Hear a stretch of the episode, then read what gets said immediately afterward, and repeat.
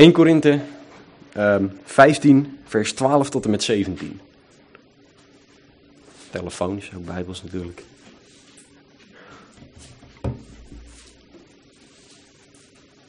Vind ik altijd wel een mooi geluid. Ik hoorde een keer een preker zeggen dat hij een van de mooiste geluiden vond. Al die bla- bladzijden van de Bijbel die hij hoorde ritselen. Ik moet zeggen dat ik dat ook wel een mooi geluid vind. Niet het mooiste, maar ik kan het wel waarderen. Oh, ehm, zijn er nog mensen die een leenbijbel nodig hebben? Volgens mij hebben we er ergens eentje liggen. De tafelbijbel, bijbel, bijbeltafel, boekentafel. Oké. Niemand?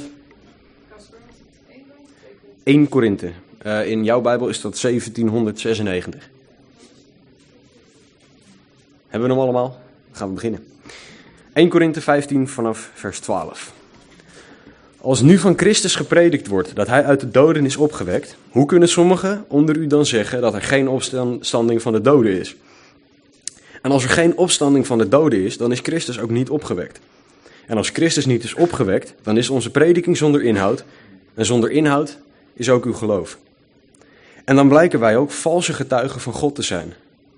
Wij hebben namelijk van God getuigd dat hij Christus heeft opgewekt, terwijl hij die niet heeft opgewekt als inderdaad de doden niet opgewekt worden. Immers, als de doden niet opgewekt worden, is ook Christus niet opgewekt. En als Christus niet is opgewekt, is uw geloof zinloos. U bent dan nog in uw zonden. Welkom in 2013. Ja. Ehm, vanochtend gaan we kijken naar de opstanding van Jezus. En de gevolgen die deze opstanding voor ons hebben. Ehm, kan iemand trouwens nog eventjes een koptelefoon? Oh, you have one. Uh, it should be on. Oké, sorry. Thought I'd help you. No, no problem. We gaan kijken naar de gevolgen van de opstanding. Want ik heb gemerkt dat, zoals vandaag, vieren we avondmaal. En dan is het vaak zo dat de nadruk, en dat is niet verkeerd, maar die ligt alleen op het brood en op de wijn. Het is heel belangrijk, maar dat is niet het enige. Het feit dat Jezus is opgestaan, wordt vaak niet genoemd. En dat terwijl, zoals we net gelezen hebben in 1 Corinthië 15, Paulus duidelijk zegt dat als Christus niet is opgewekt, ons geloof zinloos is. Nou, vanochtend gaan we drie dingen behandelen. Eén, ik ga proberen, vanuit mijn wetenschappelijke achtergrond ook een beetje, om eh, bewijs te leveren voor de opstanding van Jezus uit de dood. Twee, waarom de opstanding, als die waar is, waar ik wel van uitga, zo ontzettend belangrijk is. En drie, wat de gevolgen dan zijn voor ons. Want het is natuurlijk leuk dat ik dat allemaal kan vertellen, maar wat kunnen we ermee? Nou, laten we beginnen met één. Daar beginnen we vaak mee, bewijs van de opstanding.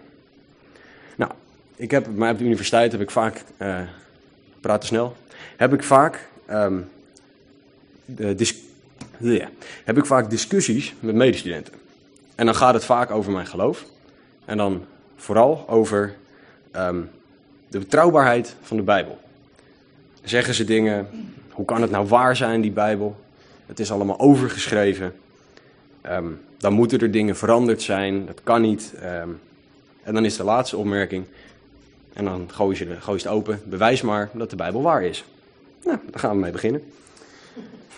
Ehm, ik dacht, laat ik iets pakken waar wij allemaal wel volledig mee bekend zijn, want we wonen natuurlijk in dit land, de Nederlandse wet. Ik ga er ook vanuit dat wij ons daaraan houden, anders hebben we Martien. Dan eh, komt hij even langs. Wetboek van strafvordering, artikel 339. Ik heb ze allemaal gelezen. Als wettig bewijsmiddel wordt, worden alleen erkend 1. De eigen waarneming van den rechter, zoals er zo mooi staat. 2. Verklaringen van den verdachte. 3. Verklaringen van een getuige. 4. Verklaringen van een deskundige. En 5. Schriftelijke bescheiden. Toen dacht ik, wat is dat?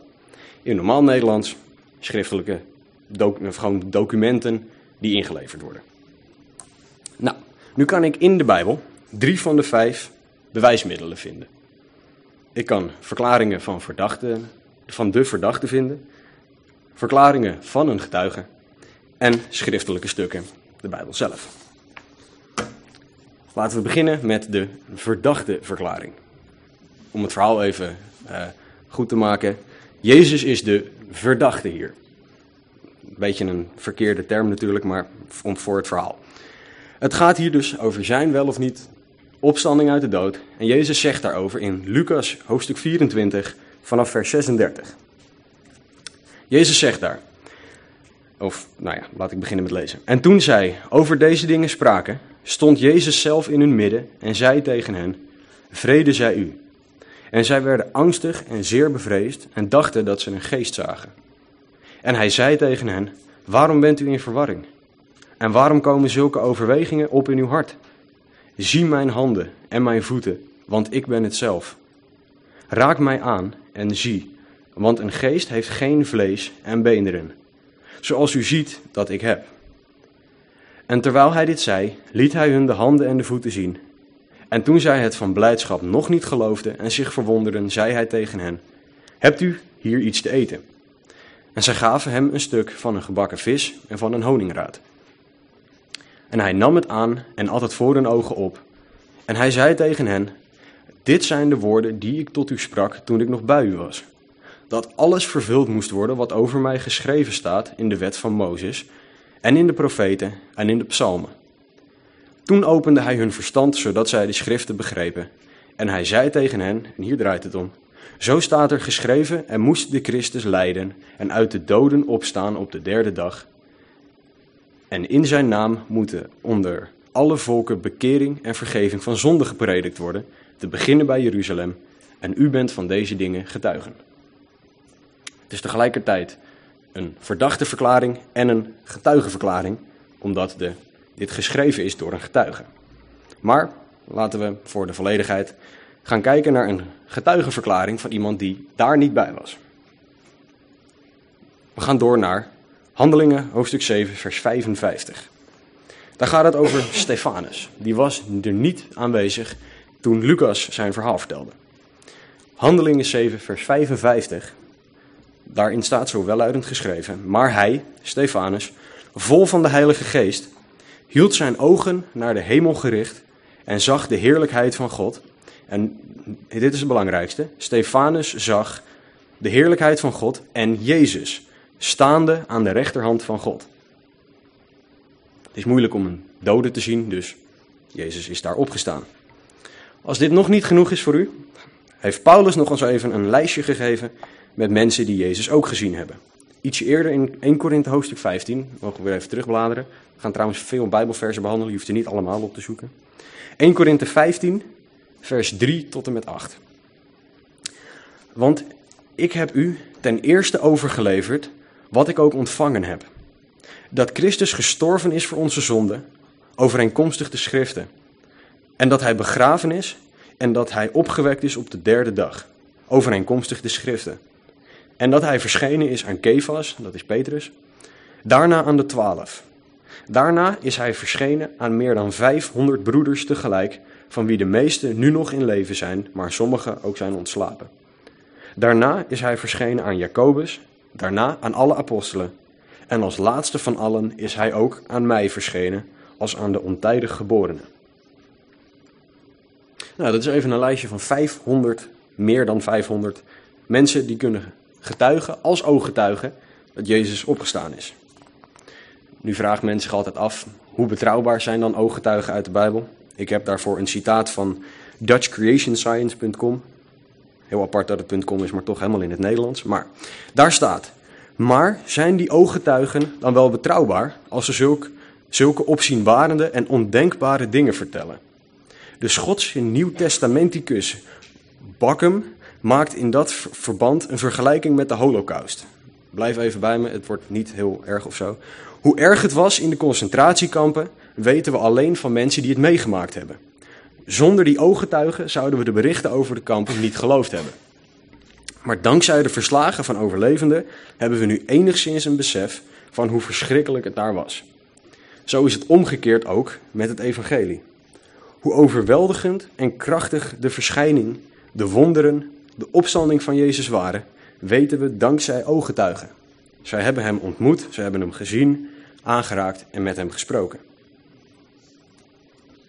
Ik hoop dat ik hiermee duidelijk gemaakt heb dat er genoeg getuigenverklaringen zijn. Dan gaan we nu nog naar de schriftelijke verklaring. En de, zoals ik al zei, de Bijbel is het beste om uit te leggen wat er in de Bijbel gebeurd is. Want dan is het God die spreekt, het heet niet voor niets Gods woord. Maar, om het, ja, vanuit mijn wetenschappelijke achtergrond, om het nog een schriftelijke verklaring te laten zijn die niet uit de Bijbel komt, heb ik daar even naar gezocht. Een buitenbijbelse bron, een Joodse geschiedschrijver die Flavius Josephus heet, een hele mooie Joodse naam. Rond deze tijd leefde er een wijs man, Jezus, als men hem tenminste een man zou moeten noemen. Want hij was iemand die wonderbaarlijke daden verrichtte, een leraar van mensen die de waarheid graag aannemen. Hij won zowel veel Joden als veel heidenen voor zich. Zij, de aanhangers van Jezus, beschouwden hem als de Christus. Toen Pilatus, die hem gehoord had na de beschuldiging van hooggeplaatste mensen onder ons, hem had veroordeeld tot de kruisdood, lieten degenen die als eerste van hem waren gaan houden hem niet in de steek. Want hij verscheen voor hen in levende lijven, zoals de profeten van God hadden voorzegd. Deze en talloze andere wonderbaarlijke dingen over hem.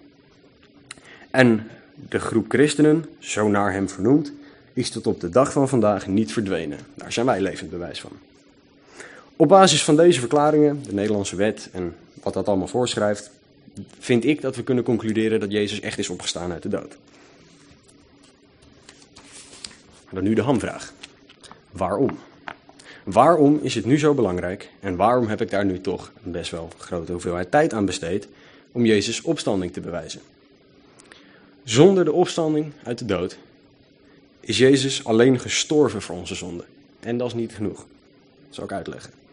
Volgens Romeinen 6, vers 23 brengt de zonde alleen de dood voort. De zonde heeft gewonnen van Jezus als hij alleen maar gestorven is. Dan heeft de zonde zijn volledige uitwerking gehad, zelfs op Jezus, de Zoon van God. En als dat het einde is, dan is Jezus niet machtig genoeg om überhaupt zichzelf te redden, laat staan ons te redden. Maar doordat Jezus uit de dood is opgestaan, heeft hij de dood overwonnen en daarmee heeft hij de Satan overwonnen. Ik zal een voorbeeld noemen dat het allemaal ietsje duidelijker maakt, mocht het niet duidelijk zijn. Stel, je hebt iemand die heeft een misdaad gepleegd en in een land waar de doodstraf nog is, wordt de doodstraf uitgesproken en uitgevoerd. Heeft die persoon de straf ondergaan, dan heeft de wet niks meer te zeggen over deze persoon, die persoon. Mocht die persoon dan opstaan uit de dood, zoals Jezus, dan heeft, de, heeft die persoon zijn straf ondergaan en is aan de wet voldaan. Dus is het afgesloten. Jezus heeft dit voor ons gedaan. Jezus heeft aan Gods wet voldaan, er moest iemand sterven, en heeft ons in staat gesteld om weer bij God te kunnen komen. En zonde, al mijn fouten in de ogen van God, was het dat ons van God scheiden en al mijn zonden van het verleden, heden en toekomst zijn weggenomen door Jezus aan het kruis en door zijn opstanding uit de dood. Ezekiel 18, vers 20 zegt: De mens die zondigt, die zal sterven. Dus de enige straf voor onze zonde, voor mijn zonde, is de dood. Om hieraan te voldoen nam Jezus alle zonden van de mensheid op zich en stierf aan het kruis. En zoals ik net al aangaf, is, was dat gelukkig niet het einde. Handelingen 2, vers 24 zegt: God heeft hem, en met hem wordt Jezus bedoeld, echter doen opstaan door de weeën van de dood te ontbinden, omdat het niet mogelijk was dat hij daardoor vastgehouden zou worden. Om mijn zondige natuur is Jezus gestorven, werd Jezus gekruisigd. En elke dag opnieuw moet ik sterven aan mezelf. Elke dag opnieuw is het nodig dat mijn vlees aan het kruis genageld wordt. Elke dag opnieuw moet Jezus voor mij opstaan, omdat ik elke dag zondig. En mijn vlees, dat vond nog altijd wel eens een onduidelijke iets. Dat is niet mijn vleeselijk lichaam, maar dat is zondige verlangens. Die moeten sterven. Daarvoor is Jezus gestorven. En er wordt aan ons vlees getrokken door de duivel. Die voedt zondige verlangens. Hij fluist dingen in onze oren. Worden aan ons vlees getrokken door de wereld om ons heen. En als laatste zelf aangeleerde gewoontes. En dat is bij mezelf, is dat liegen. Ik heb jarenlang, dat kunnen mijn familieleden best wel over meepraten, ehm, heb ik mezelf aangeleerd. En dat was echt aanleren om gewoon zonder blikken of blozen te kunnen liegen. Dan zou ik hier gewoon met een stalen gezicht staan en zou ik jullie echt verhalen kunnen vertellen waar je stijl van achterover slaat. Maar dat was het allemaal niet waar. En de Satan speelt hier dan handig op in. Hij fluistert in mijn oren dingen als: Ah, kom op man, het is makkelijk om een leugentje om best wil te vertellen. Komt wel goed, maar het maakt niet uit man. Wat het ook mag zijn, het, het, is, het is makkelijker om te liegen dan om de waarheid te vertellen. En de waarheid kan je nu in de problemen brengen. Lieg even man, het is wel zo makkelijk. En dit, maar dit is niet iets wat van God komt. Dit is iets dat ik dagelijks, nog steeds, van moment tot moment aan God moet geven. Anders loop ik echt in de val van het liegen. En ben ik daar nog goed in ook, voor zover het goed in kan zijn. En Paulus zegt over onze zondige natuur, onze oude mens zoals hij die noemt, in Romeinen 6, van vers 6 tot en met 11. Dit weten wij toch, dat onze oude mens met hem gekruisigd is, opdat het lichaam van de zonde teniet gedaan zou worden en wij niet meer als slaaf de zonde zouden dienen. Want wie gestorven is, is rechtens vrij van de zonde. Als wij nu met Christus gestorven zijn, geloven wij dat wij ook met hem zullen leven. Wij weten toch dat Christus, nu hij is opgewekt uit de doden, niet meer sterft. De dood heerst niet meer over hem. Want wat zijn sterven betreft, is hij voor eens en altijd voor de zonde gestorven. En wat zijn leven betreft, leeft hij voor God. Zo dient ook u uzelf te rekenen als dood voor de zonde, maar levend voor God in Christus Jezus onze Heer. Er is geen zonde waar Christus niet voor is opgestaan. Er is geen zonde waar Christus niet eerst voor gestorven is en daarna is opgestaan. En wij vinden zonde vaak gradaties, vinden het een erger dan het ander. Liegen, maar dat valt wel mee. Iemand vermoorden, ja, dan mag je gelijk weg. Maar God is daar allemaal voor gestorven. Jezus is daar allemaal voor gestorven en opgestaan. Wij zijn dood voor de zonde, maar leven nu voor en door Jezus. Ons leven behoort Hem toe. Door Hem zijn wij vrij. En Jezus heeft de wet uit het Oude Testament voor ons vervuld. Hij heeft ervoor gezorgd dat wij een plaatsvervangend offer hebben gekregen. De opstanding uit de dood was Jezus' ultieme overwinning over de dood. Zoals Paulus in Romeinen aangeeft, voor een kleine herhaling, is het de loon van de zonde de dood. Daarna heeft de zonde geen macht meer. Dus door op te staan uit de dood is de macht van de zonde gebroken. Doordat wij, doordat ik Jezus geaccepteerd hebben als verlosser en ere, hebben wij deel aan zowel het sterven als het opstaan van Jezus. Nou, ik heb nu geprobeerd om de opstanding te bewijzen. Dat is één. En het waarom van de opstanding heb ik u geprobeerd uit te leggen. Drie, wat heeft dit nu voor gevolgen voor ons? Wat kunnen wij hiermee? Wat kan ik hier nou eigenlijk mee? Nou, om te beginnen, ik heb dit ook weer onderverdeeld in drie punten. Zijn wij gerechtvaardigd hierdoor? Paulus vertelt ons in 1 Korinthe 15, vers 17 dat als Jezus niet opgewekt zou zijn uit de dood, dat wij nog in onze zonde zouden leven. En als wij nog in zonde leven, zijn wij niet gerechtvaardigd. Wat Paulus hiermee bedoelt, is dat er geen offer voor onze zonde gegeven is. En dat ik dan nog in dezelfde situatie zit als voordat ik in hem geloofde. Dus dat ik niet bij God kan komen. Romeinen 4, vers 25 vertelt ons over Jezus, over de Jezus die om onze overtreding is overgeleverd en opgewekt om onze rechtvaardiging. Jezus stierf voor mij, hij stond voor mij op uit de dood. En door de liefde die hij voor ons liet zien met zijn offer aan het kruis, kunnen wij en zijn wij gerechtvaardigd. Het Griekse woord dat Paulus hier gebruikt om rechtvaardiging aan te geven, betekent letterlijk een handeling van God waarin hij mensen vrij van schuld en acceptabel in zijn ogen verklaart. Om onze en om mijn rechtvaardiging is Jezus opgewekt. Jezus nam alle zonden op zich, zodat ik vrij van zonde bij God kan komen. En Gods liefde, Gods aanwezigheid, is het beste wat wij mee kunnen maken. Diegenen van jullie die dat meegemaakt hebben, die kunnen, daarvan, die kunnen dat, daarvan getuigen. Gods aanwezigheid is de beste plek om te zijn. Maar zolang wij nog in zonde leven, kunnen wij daar niet komen. Deze rechtvaardiging gaat verder dan alleen voor de wet vrijgesproken zijn van alle aanklachten. Schuldgevoelens kunnen vaak nog veel zwaarder voor onszelf wegen dan het begaan van de zonde zelf.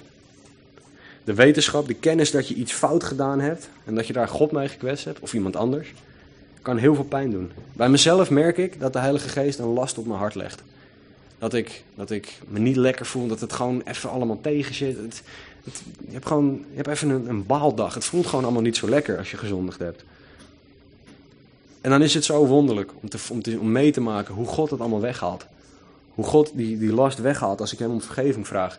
Als ik terugga op mijn knieën naar het kruis. Als ik gedenk wat God gedaan heeft door te sterven en op te staan.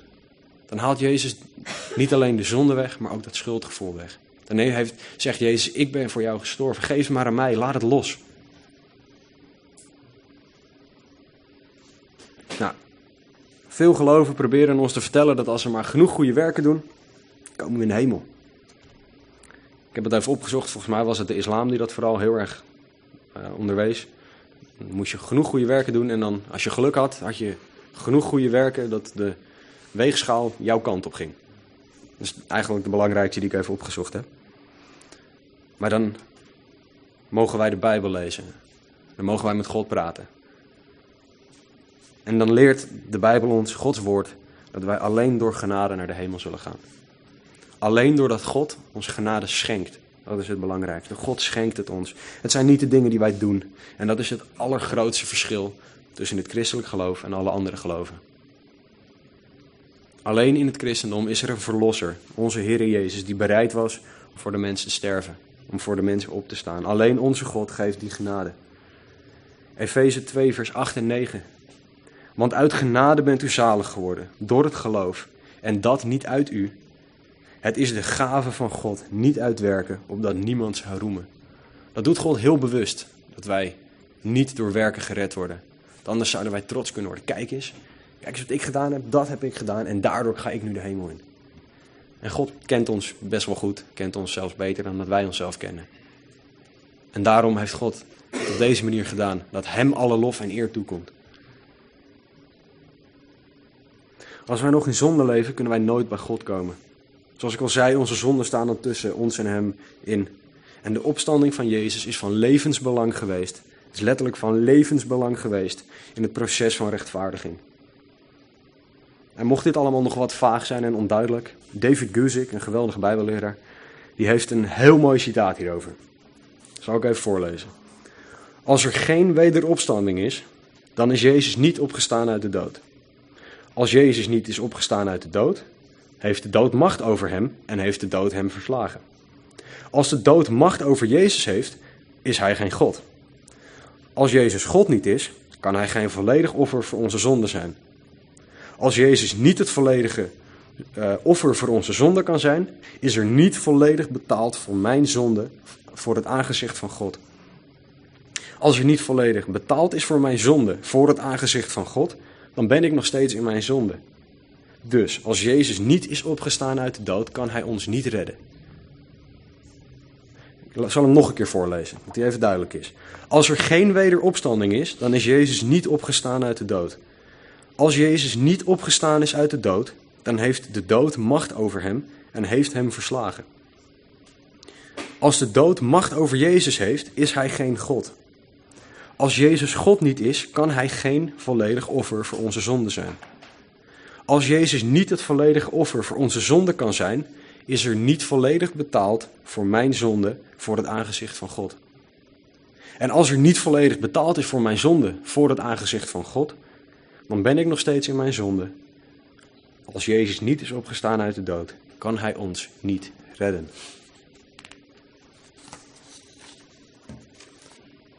Wij, ik, u, wij worden allemaal geaccepteerd door God en het offer van Jezus. Door de opstanding van Jezus hoeven wij niet meer in zonde te leven.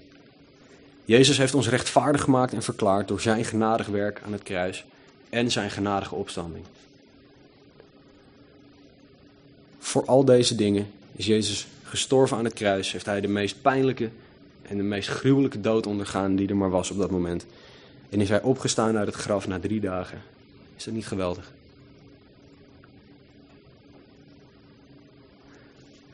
Naast het feit dat wij gerechtvaardigd zijn door Jezus' opstanding, is door Gods op, Jezus' opstanding de Heilige Geest in ons.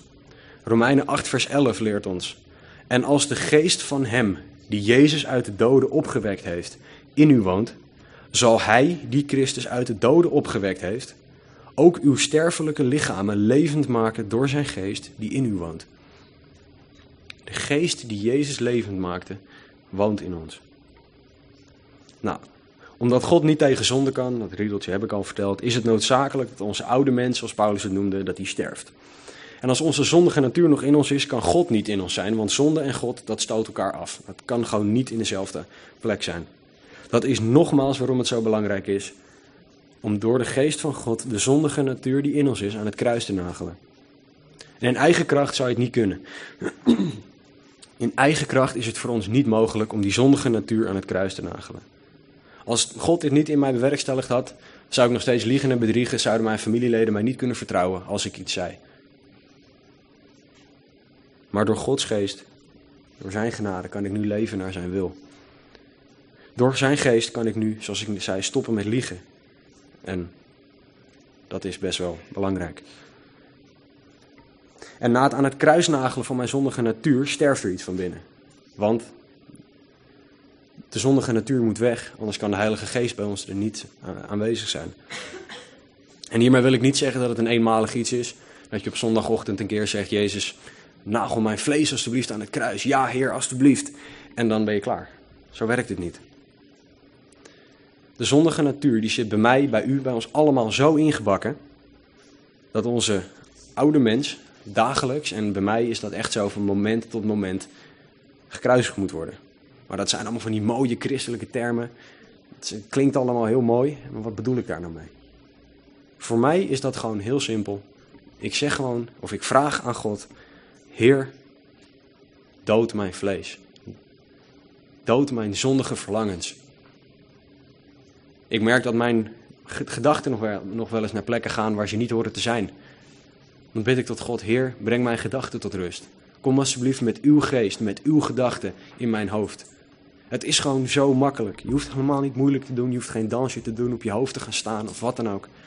Je hoeft niet allerlei christelijke termen te kennen. Je hoeft niet bijbelversen op te dreunen. Je kan gewoon naar God bidden, Heer, dood mijn vlees alstublieft.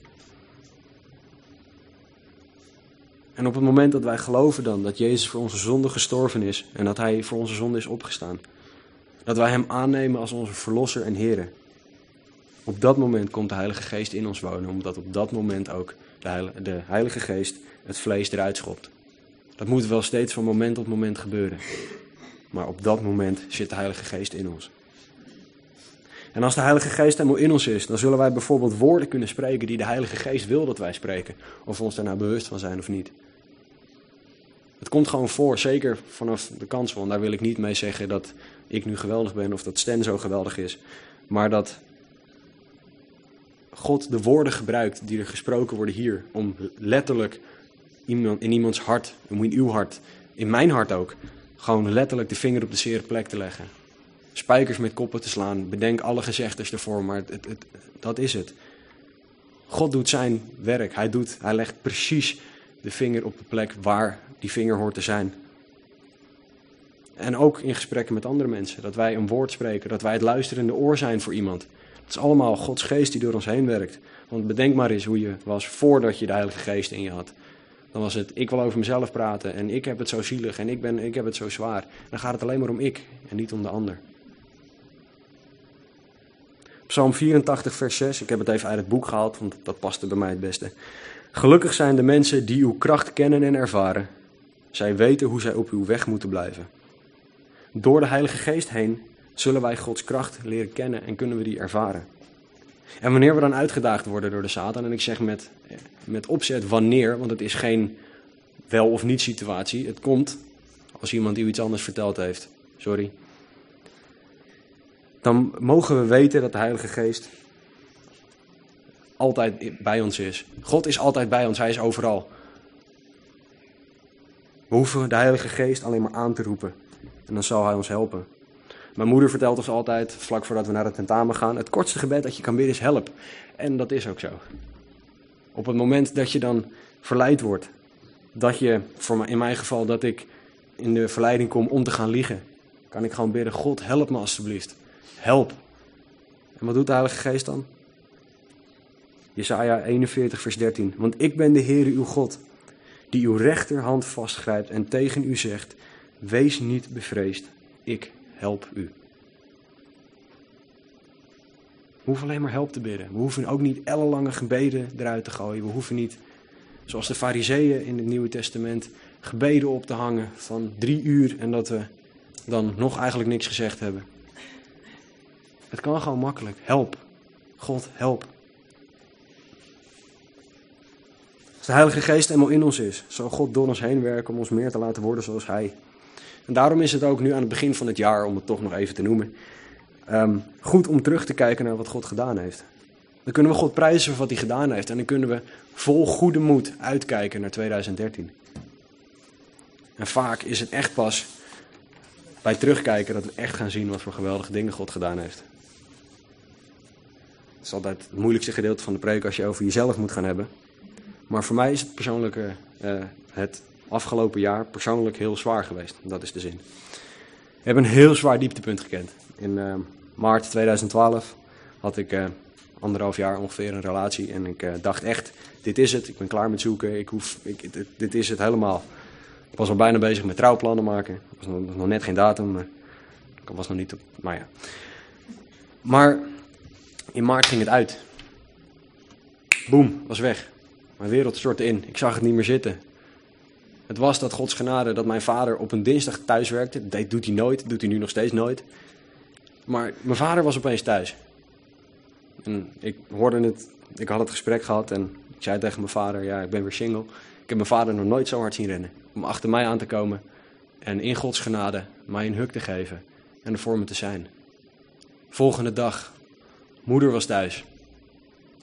Ook de hele dag tegen haar kunnen praten. Gods genade was aanwezig. Ik heb, en ik weet echt niet hoe, ik heb een lading tentamens gehaald, ik weet echt niet hoe. Nogmaals, ik heb echt geen idee. Mijn hoofd stond naar alles behalve leren. En ik heb echt een aantal hele moeilijke tentamens gehaald. Ik ben gewoon zoveel meer op God gaan vertrouwen. Ik heb zijn genade gezien, ik heb zijn werkende hand gezien, ik heb de Heilige Geest in mij gevoeld. Ik, heb, ik ben naar Oostenrijk geweest afgelopen zomer. Stan zag aan mij dat ik best wel in de put zat en ik had eigenlijk plan om naar Amerika te gaan, maar het ging niet door. En ik was gewoon een heel zielig vogeltje. En um, dus kregen Stennemar niet op hun hart om mij mee te nemen naar de conferentie in Oostenrijk. En ja, ik weet nooit zo goed hoe ik dit netjes moet zeggen, maar ik heb daar een ongelofelijke schop onder mijn kont gehad van God. Ik zat gewoon maanden zat ik stil, ik zat niks te doen. En toen heeft God gewoon zo liefdevol tegen mij gezegd, maar wel heel duidelijk: ga nou eens wat doen. Ga staan, onderneem actie en vertrouw op de Heer. Wacht op de Heer.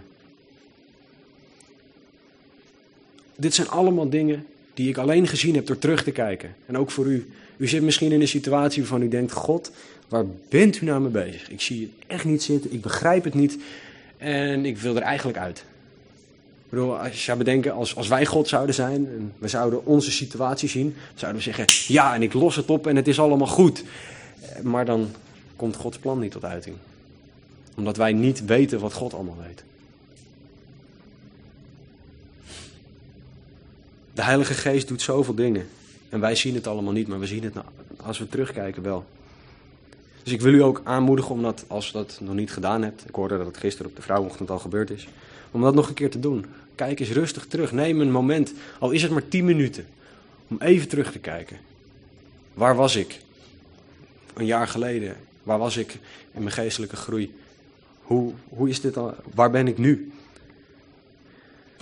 Nou, al deze dingen die ik genoemd heb, zijn maar een aantal manieren van werken van de Heilige Geest. Hij werkt op manieren die wij niet kunnen bevatten en zoals gelukkig God dingen doet, dat is allemaal zijn manier. Hij werkt bij iedereen op een persoonlijke en op een voor ons een nieuwe manier. Gelukkig kunnen we God niet in een hokje plaatsen, of het moet wel een heel groot hokje zijn. Nog een uh, drietal korte punten voordat ik hem uh, echt afsluit. Ik heb hier ook een aantal Bijbelversen bij, maar die mogen jullie ophalen bij mij als jullie die nog willen horen. Als u bang bent voor de dood, dan is de opstanding van Jezus zo mooi.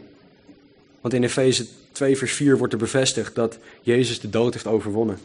Dat als je in Hem gelooft met heel je hart, met heel je ziel en al je kracht, en plus nog je verstand, die was ik vergeten, dan is er leven in eeuwigheid na de dood.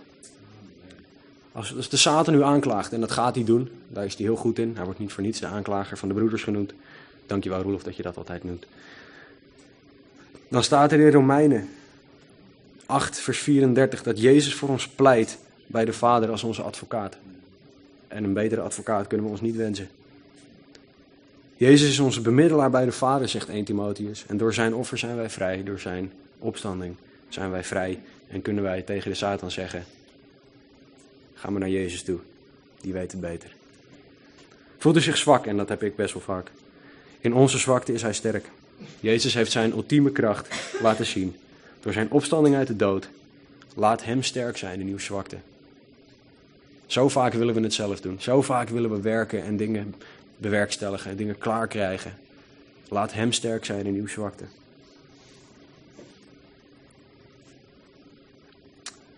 Zoals we dat ook eh, eerste zondag van de maand doen, vieren we avondmaal. En Jezus is gestorven aan het kruis voor ons. En laten we dat vieren en laten we dat gedenken. Ja, laten we daar God voor danken. Maar laten we vandaag ook meenemen dat God, dat Jezus, dat de Heilige Geest nog een stapje verder voor ons gegaan zijn. Dat Jezus is opgestaan uit de dood. En als u niks meeneemt van deze zondag, en dat maakt me echt niet uit, behalve dan wil ik dat u één ding meeneemt. Het lijstje dat ik nu op ga noemen. Ik zag je al kijken. Door de opstanding van Jezus, waarvoor ik hopelijk bewijs geleverd heb, binnen en buiten de Bijbel, zijn wij gerechtvaardigd. Zijn onze zonden en schuldgevoelens weggenomen. Ontvangen wij de Heilige Geest. Door Jezus' opstanding hoeven we niet meer bang te zijn voor de dood. Als we aangeklaagd worden door de Satan, hebben wij Jezus die voor ons pleit. En zijn wij sterk in onze zwakte door Christus. Al deze dingen zijn voor u, voor jou, voor mij als Jezus de Heer en de Verlosser van ons leven is. Laten we bidden. Jezus Christus, uw naam zij geprezen. We kunnen u niet genoeg aanbidden, we kunnen u niet genoeg danken, we kunnen alleen maar gewoon gaan zitten en zeggen dank u wel. En dan houdt het eigenlijk wel op, want we hebben meer dan een eeuwigheid nodig om u te danken voor wat u gedaan hebt.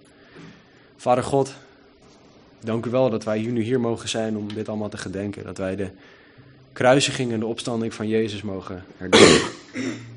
Dank u wel voor alle dingen die ik zelfs nog niet eens genoemd heb. Die u gedaan hebt door de kruisiging en opstanding van uw zoon. Dank u wel voor deze gemeente waarin er gewoon oprechte christenen zijn die echt achter u aan willen rennen. En vader, laat ons alsjeblieft zien hoe we dat moeten doen.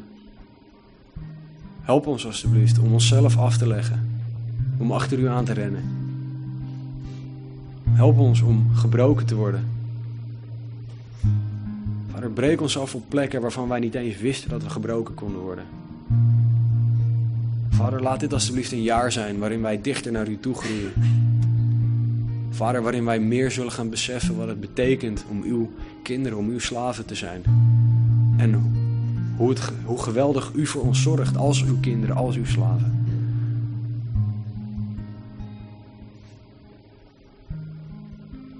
Vader, dank u wel voor uw Bijbel. Dank u wel voor uw woord. Dank u wel dat u ons zoveel bewijs gegeven hebt. Vader, mochten we het al niet gewoon geloven, dat we zelfs gewoon een hele zaak ervoor kunnen maken. Vader God, ik wil u gewoon aanbidden. Ik wil uw naam gewoon verhogen omdat u God bent.